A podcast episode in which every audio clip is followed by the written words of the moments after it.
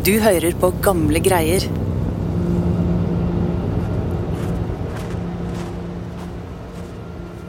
En iskald marsnatt i 1982 stamper tre menn gjennom snøen i stummende mørke i Tverreldalen utenfor Alta i Finnmark. Når de kommer fram til Fossan bru, stanser de. I det svake lyset fra en halvdød lommelykt forsøker en av mennene med stivfrosne fingre å feste tynne kabler til en vekkerklokke og dynamitt. Ren desperasjon etter å bli hørt har ført familiefaren Nilla Zombie hit. Fredelige metoder som demonstrasjon har ikke nyttet. Den norske stat er fast bestemt på å overkjøre samer og naturforkjempere ved å bygge en demning i Altaelva for å lage strøm. Så kom vi ned under den broen der og satte, satte de her tingene på plass der. Og da hadde vi lodda en vekkerklokke, en batteridrevet vekkerklokke med ledninger, og, og satt den sånn at den skulle om en halvtime etter at vi hadde satt den dit, så skulle den ladninga gå av.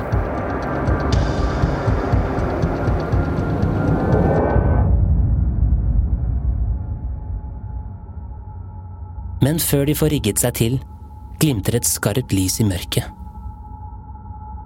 Etterfulgt av et digert smell.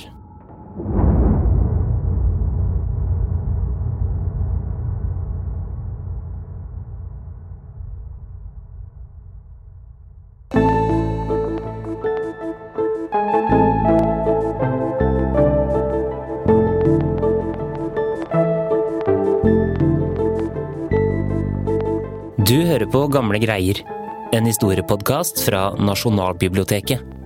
Jeg heter Lars Hamren Risberg.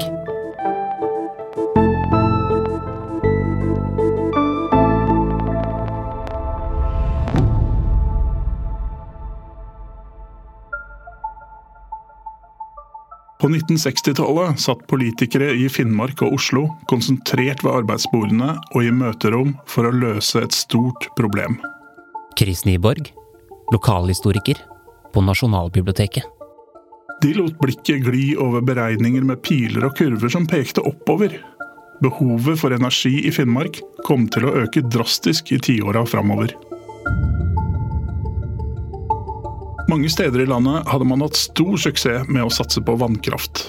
Ved å demme opp elver og legge fosser i rør, kunne man bruke den enorme krafta i rennende vann til å produsere strøm. Dette var en relativt rimelig energikilde som ikke forurensa, var fornybar, og som Norge hadde mye av.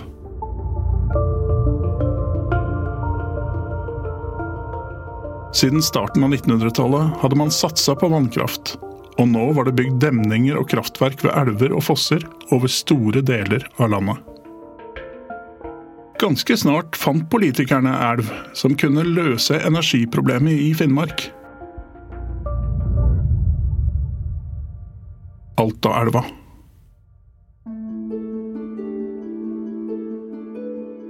En utbygging her ville gi strøm til både innbyggere og industri, og sikre en god framtid for Finnmark.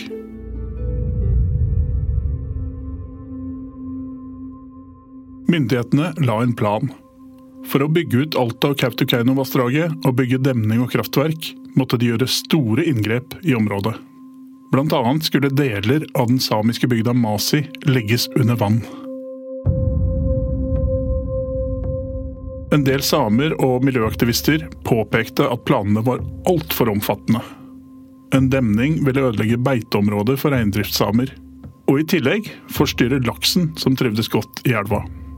De syntes staten bomma totalt, og en protestbevegelse begynte å vokse.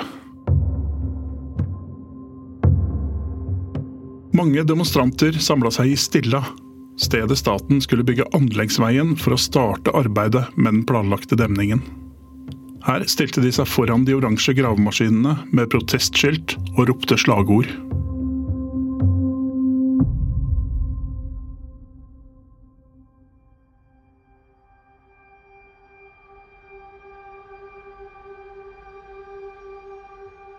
En dag i 1978 kom en 30 år gammel mann med mørk pannelugg og skjegg til Stilla med et kamera i hånda. Det var Nillas zombie.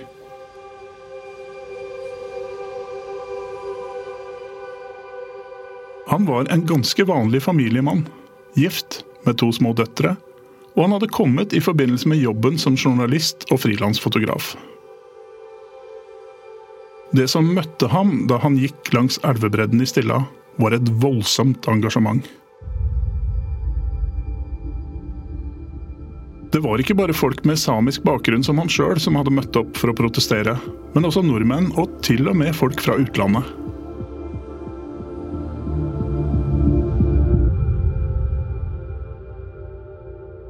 Ettersom dagene og ukene gikk, kom Nillas tettere på aktivistene, og han ble mer og mer ettertenksom.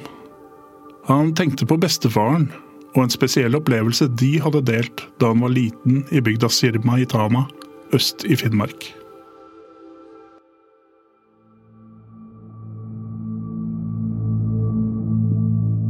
Søndag da Nillas var ti år gammel, hadde han vært på bedehuset med bestefaren. Under kirkekaffen etter prekenen, da det var tid for hygge og småprat, kom presten bort til dem og spurte bestefaren om han trodde på Gud. Nillas så på bestefaren og venta på svaret. Med høy og klar stemme svarte bestefaren. Her blir du tvunget til å tro på Gud. Så banka han hardt i bordet, så det klirra i kaffekopper og kakefat. Det ble helt stille i lokalet. Nilas ble så flau og skamfull at han ønska å forsvinne.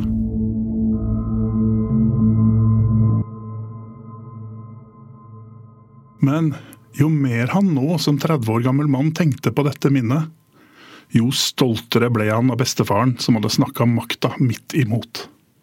Den gamle mannen hadde også lært tiåringen at man måtte ha dyp respekt for naturen og dyra. Og menneskene var en del av naturen. Snart forsto Nillas at han ikke bare skulle dokumentere det som skjedde gjennom fotografier. Det var hans plikt å stå på naturens side. For i den samiske måten å tenke på var det jo ingen som eide jorda, den var på utlån. Norske myndigheter kunne ikke bare ture fram og demme opp elva og ødelegge for laksen og reindrifta i området.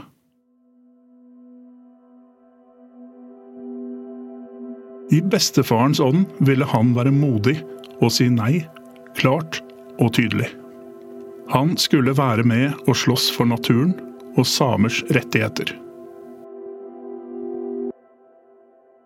Nilla Zombie forsto at kampen ville bli hard. Staten hadde styrken på sin side. Politikerne kunne bestemme ting med et pennestrøk, og politiet kunne bruke rå muskelmakt. Dessuten var samer kua til å tie gjennom en mørk fornorskningshistorie. Dette hadde han vokst opp med, og det gjaldt ikke bare ham, men hans egne forfedre. Så Nilas var fullt klar over hvor mektig den norske staten var? Ja, men til tross for motstand og dårlige odds engasjerte 30-åringen seg mer og mer. Han fikk bilder fra demonstrasjoner på trykk og skrev om saken. På sin måte bidro Nillas til at flere fikk vite om konflikten. Og da Stortinget høsten 1978 vedtok utbyggingsplanene, eksploderte engasjementet.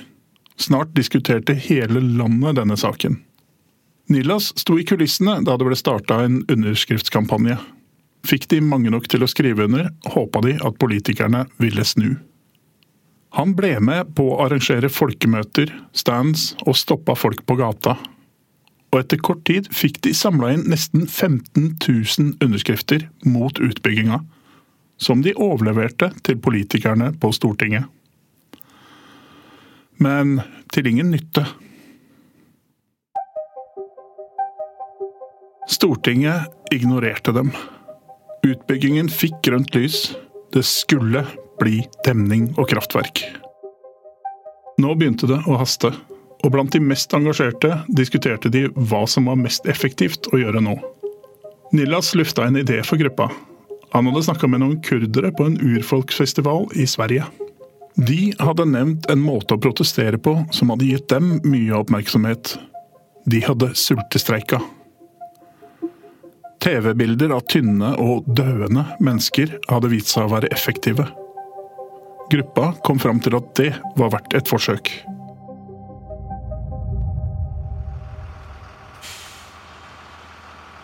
En høstdag i oktober 1979 satte Nilla seg inn i en minibuss sammen med en gjeng aktivister som satte kursen sørover mot Oslo.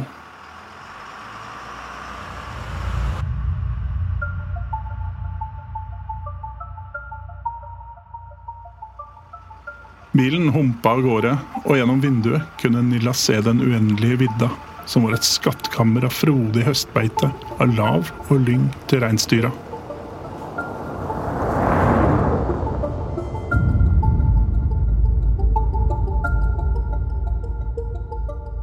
Vel framme i Oslo svingte de inn på Eidsvolls plass. Foran det store, ruvende Stortinget satte de opp lavvoer. Og de var ikke alene. Flere og flere kom til for å vise sin støtte. Nå var de på plass, og de mente alvor. Aksjonen blant samene utenfor Stortinget vekker oppsikt, og i hele dag har det stått store folkemengder rundt den gruppen på sju samer som har innledet sulteaksjonen.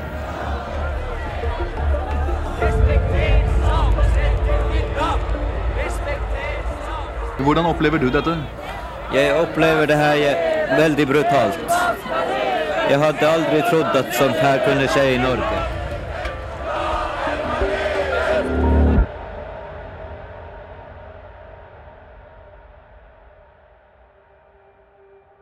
På kveldstid, da det hadde roa seg på Eidsvolls plass, hendte det at de sultestreikende aktivistene fikk besøk i lavvoen. Noe som gjorde sterkt inntrykk på Nillas, var at enkelte som stoppa for å gi dem oppmuntrende ord, delte en hemmelighet. De hadde også samisk bakgrunn, men de skamma seg over det og skjulte den samiske identiteten i Oslo, og prøvde så godt de kunne å være nordmenn. Dette gjorde Nillas trist, men det ga ham også en motivasjon til å fortsette kampen. Og utover høsten fikk de en liten seier. Aktivistene hadde brakt saken for retten, og det ble bestemt at utbygginga ikke skulle i gang før reineierne i Finnmark fikk en sjanse til å uttale seg. Men i desember 1980 fikk Nillas og de andre en hard beskjed. Dommen fra Alta herredsrett slo fast at utbygginga var lovlig. Men alt håp var ikke ute, for det var én mulighet til i rettssystemet. De klaga dommen inn til Høyesterett, og Nillas hadde tro på at den høyeste rettsinstansen i Norge ville gi dem medhold. Jeg bemerker at det området som blir neddemmet, blir ca. 2,8 kvadratkilometer. Dommen fra Høyesterett kom i 1982. Ingen næringsinteresser er i dag knyttet til området Og hvordan tok Nilas Zombie dette nederlaget? Tungt. Han hadde prøvd å si fra ved å demonstrere med plakater, ropt ut slagord, sultestreika. De hadde fått enorm støtte hos folk, og likevel hadde det ikke ført fram. Nilas var rasende. Hans pliktfølelse overfor naturen, minnet etter bestefaren og hele hans samiske identitet sto på spill. Jeg nekter å tro at, at urbefolkningslivsfilosofien, eller religionen om man vil, er så mye dårligere enn den, den kristne, kolonistiske kulturen. Og det er jo den som er rota til at vi i dag er kolonisert. Mens våre verdier hele tiden er blitt gjort narr av og blitt tilintetgjort. Jeg er ingen sånn hard ekstremist, men jeg kunne godt tenke meg også å gå på prekestolen og bare dytte bort presten og si at her, her står han her fyren og lyger om, om det hele. At det er ikke sant, det her som, som han står, og at de her folka som sitter i kirka, at de er egentlig bare dumme som går og tror på det her. Nillas reiste tilbake til Tana i Finnmark og la en plan sammen med to andre aktivister. På TV og i avisene hadde han sett at mange kjempa aktivt mot myndigheter og gamle maktstrukturer. Det var alt fra borgerrettighetskampen i USA til studentopprøret i Frankrike og venstreekstremistiske Røde armé-fraksjon i Vest-Tyskland, som tok det hele mye lengre enn andre grupper. De brukte mordbranner og bomber for å protestere mot kapitalisme og imperialisme.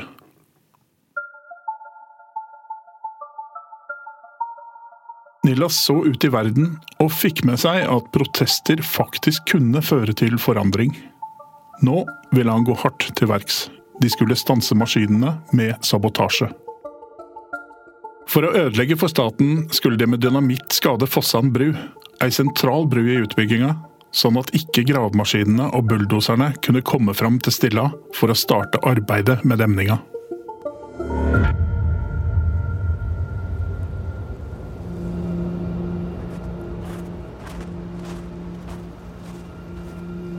Snøen var dyp, og det var iskaldt i lufta. Nillas og to andre aktivister tråkka seg gjennom snøen til de kom til Fossan bru utafor Alta.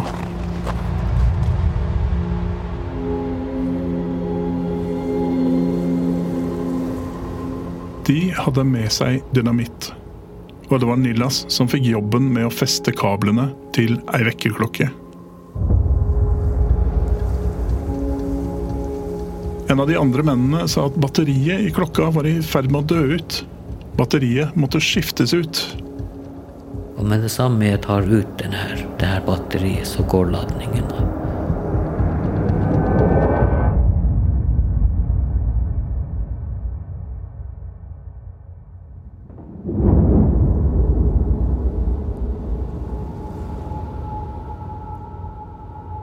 Og da lysglimt, at det lyste opp som en stjerne rett foran ansiktet mitt.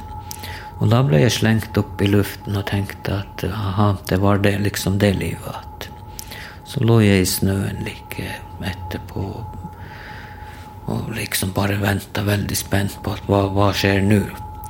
Jeg hadde Jeg må si at jeg hadde det veldig godt når jeg lå der. Jeg hadde ingen angst. Jeg tenkte først at, at er det sånn her det, det å være død?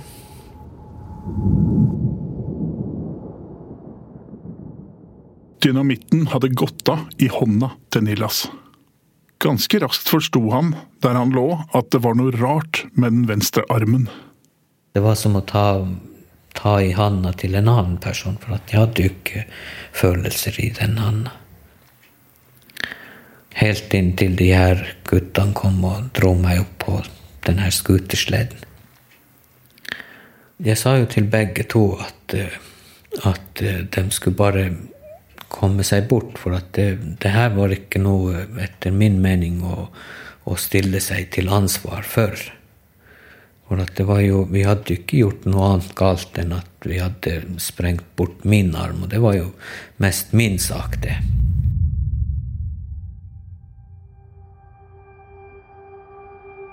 Da Nillas våkna, lå han i en sykehusseng på Tromsø sykehus. Da han fikk samla seg, så han at den venstre armen var borte. Legene hadde amputert den. Armen var søndersprengt og ikke til å redde, og det ene øyet var hardt skada. Nilas hadde betalt en høy pris for idealismen sin. Ja, og en følelse av sorg fylte ham. Planen hadde mislyktes, og nå lå han ydmyka i sjukesenga.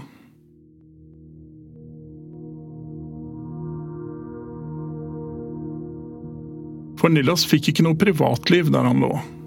Når han åpna det friske øyet, kunne han alltid skimte en politimann i svart uniform med blanke gullknapper som passa på. Når han fikk besøk av kona Dagny eller samiske gjester, reiste politimannen som var på vakt seg og sa skarpt at de måtte snakke norsk. Når de snakka, fulgte han nøye med og noterte det de sa. Kort tid etter ble Nilas frakta til Tromsø fengsel, hvor han ble satt i varetekt i ei lita celle. Han la seg ned i senga. Stjernehimmelen var bytta ut med et betongtak som var gulna av tobakksrøyk. Kroppen var skada for alltid, og nå venta en rettssak. Han ble sikta for ildspåsettelse etter straffelovens paragraf 148, også kalt mordbrannparagrafen, med 21 års fengsel som strafferamme. Nillas forsto at han hadde svært dårlige odds. Så han hadde altså skiftet ut fredelige demonstrasjonsmetoder med vold. Det er ganske sterk kost.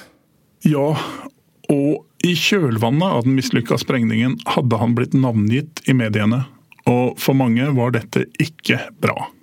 En del samer tok sterk avstand fra ham og fordømte det han hadde gjort. Noen latterliggjorde ham og familien hans. Det var også både samer og nordmenn som tok statens side i Alta-saken, og mente energibehovet i regionen måtte komme først. Og nå var familiefaren innelåst i ei fengselscelle i Tromsø, adskilt fra kona og sine to små døtre. Han hadde ikke oppnådd noe av det han ønska.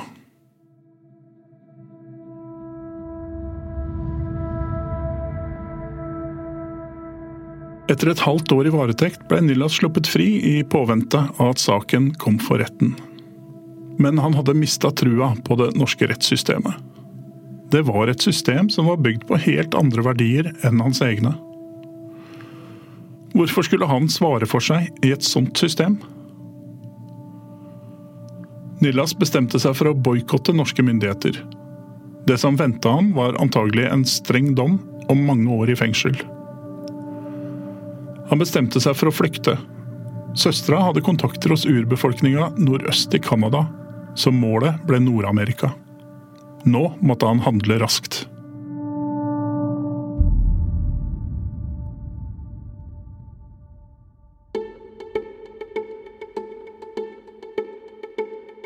Nilas visste at det var forbudt å forlate landet siden han snart måtte møte i retten.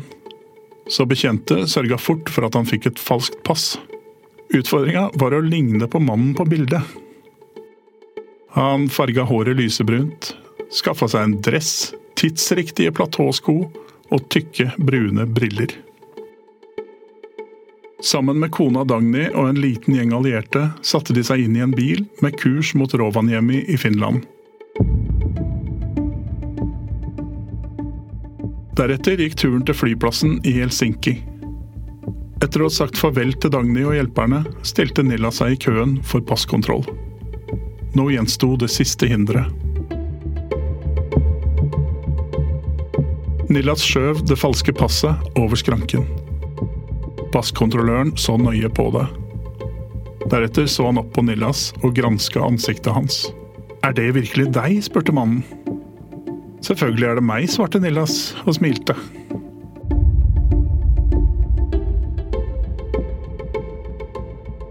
Nillas begynte å bli svett. Han var så nærme frihet nå. Etter en stund skjøv kontrolløren passet tilbake og ønska god tur. Nillas kunne sette seg om bord på flyet til Canada.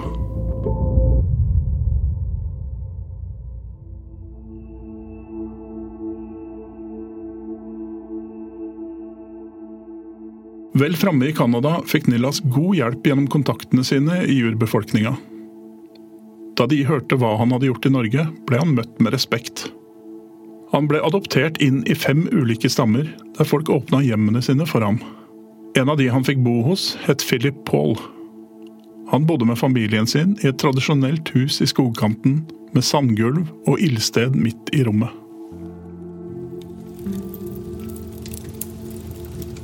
Nillas og Philip satt ofte ved ildstedet på kveldene. Og mens det knitra i flammene, hadde de lange samtaler og fant ut at de hadde mye til felles. Det Nillas hadde lært om naturen og åndelighet fra bestefaren, kjente Philip igjen fra sin egen kultur. Når de var tomme for ord, spilte Philip på tromme og sang, og Nillas svarte med å joike der de satt rundt bålet. Og selv om han var på et annet kontinent, følte han at han var blant sine egne. En enorm stolthet over sin egen kultur vokste i Nillas.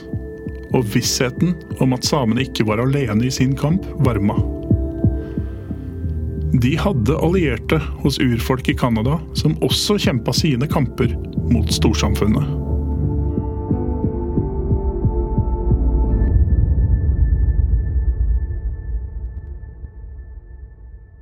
Etter to år og tre måneder i Canada reiste Nilla Zombie tilbake til Norge. Canadiske myndigheter visste at han var der, og hadde bestemt seg for å sende ham ut av landet. Hjemme i Norge venta en rettssak, og han ble dømt for skadeverk på offentlig eiendom og ulovlig oppbevaring av sprengstoff.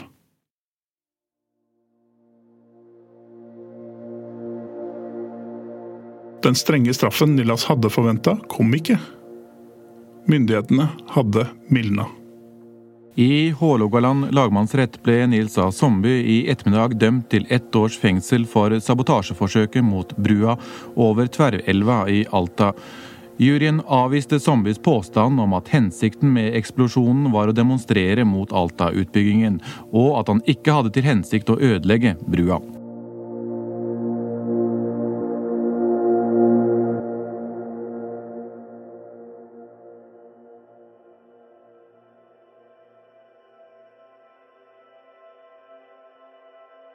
Alta-kraftverket sto ferdig i 1987. Etter de voldsomme protestene ble bygda Masi delvis vernet og ikke satt under vann som opprinnelig planlagt.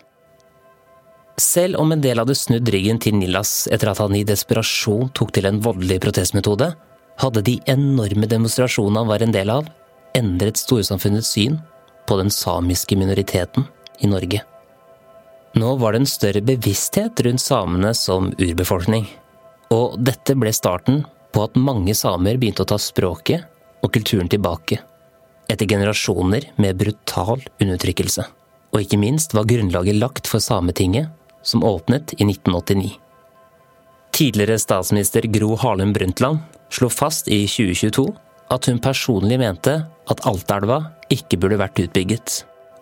I dag er Nilla Zumbi 74 år. Slik beskrev han opplevelsen fra Alta-aksjonen da Nasjonalbiblioteket møtte han i mars 2023.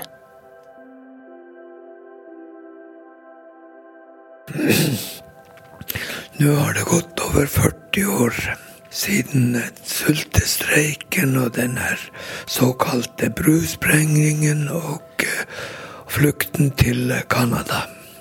Jeg tenker jo det at vi var veldig unge og entusiastiske og eh, hadde jo håpet på at vi eh, fikk samfunnet til å endre seg.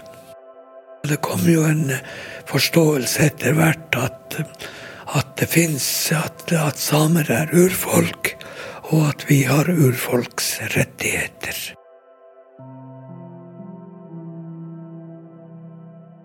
Vi fikk eh, riktignok et sameting. Men det er et sameting uten politisk makt.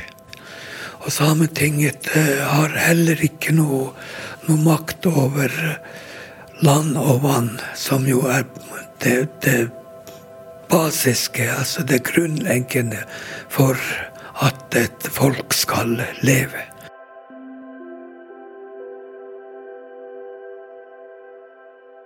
Nei, jeg angrer ikke for at, at, jeg har vært med på det her. For at for meg så har det Det ser ut som at det, er veldig, at det har gått veldig ille med meg. Jeg har mista armen, venstrearmen, jeg har mista et, et øye.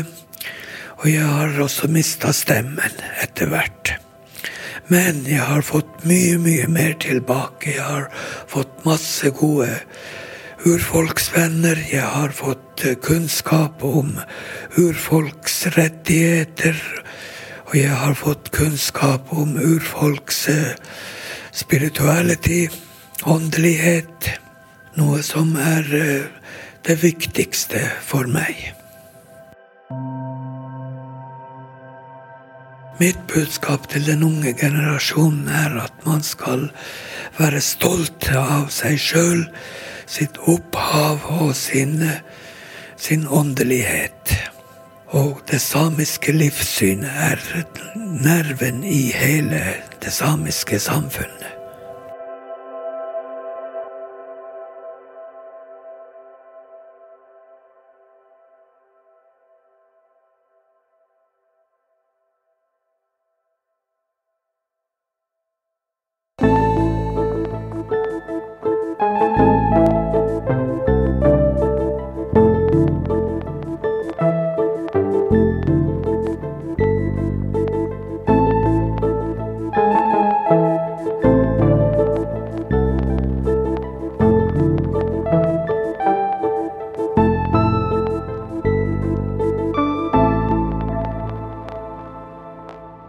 Hørt en episode av Gamle greier.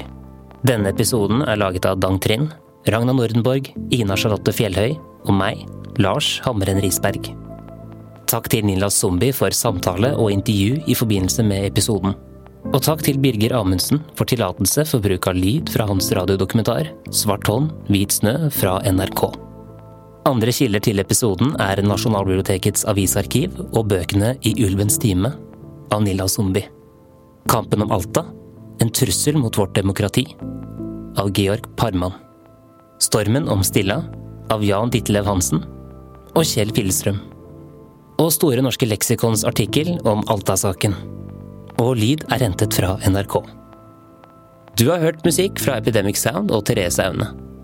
Du finner mer av Thereses musikk på thereseaune.com, eller der du strømmer musikk til vanlig.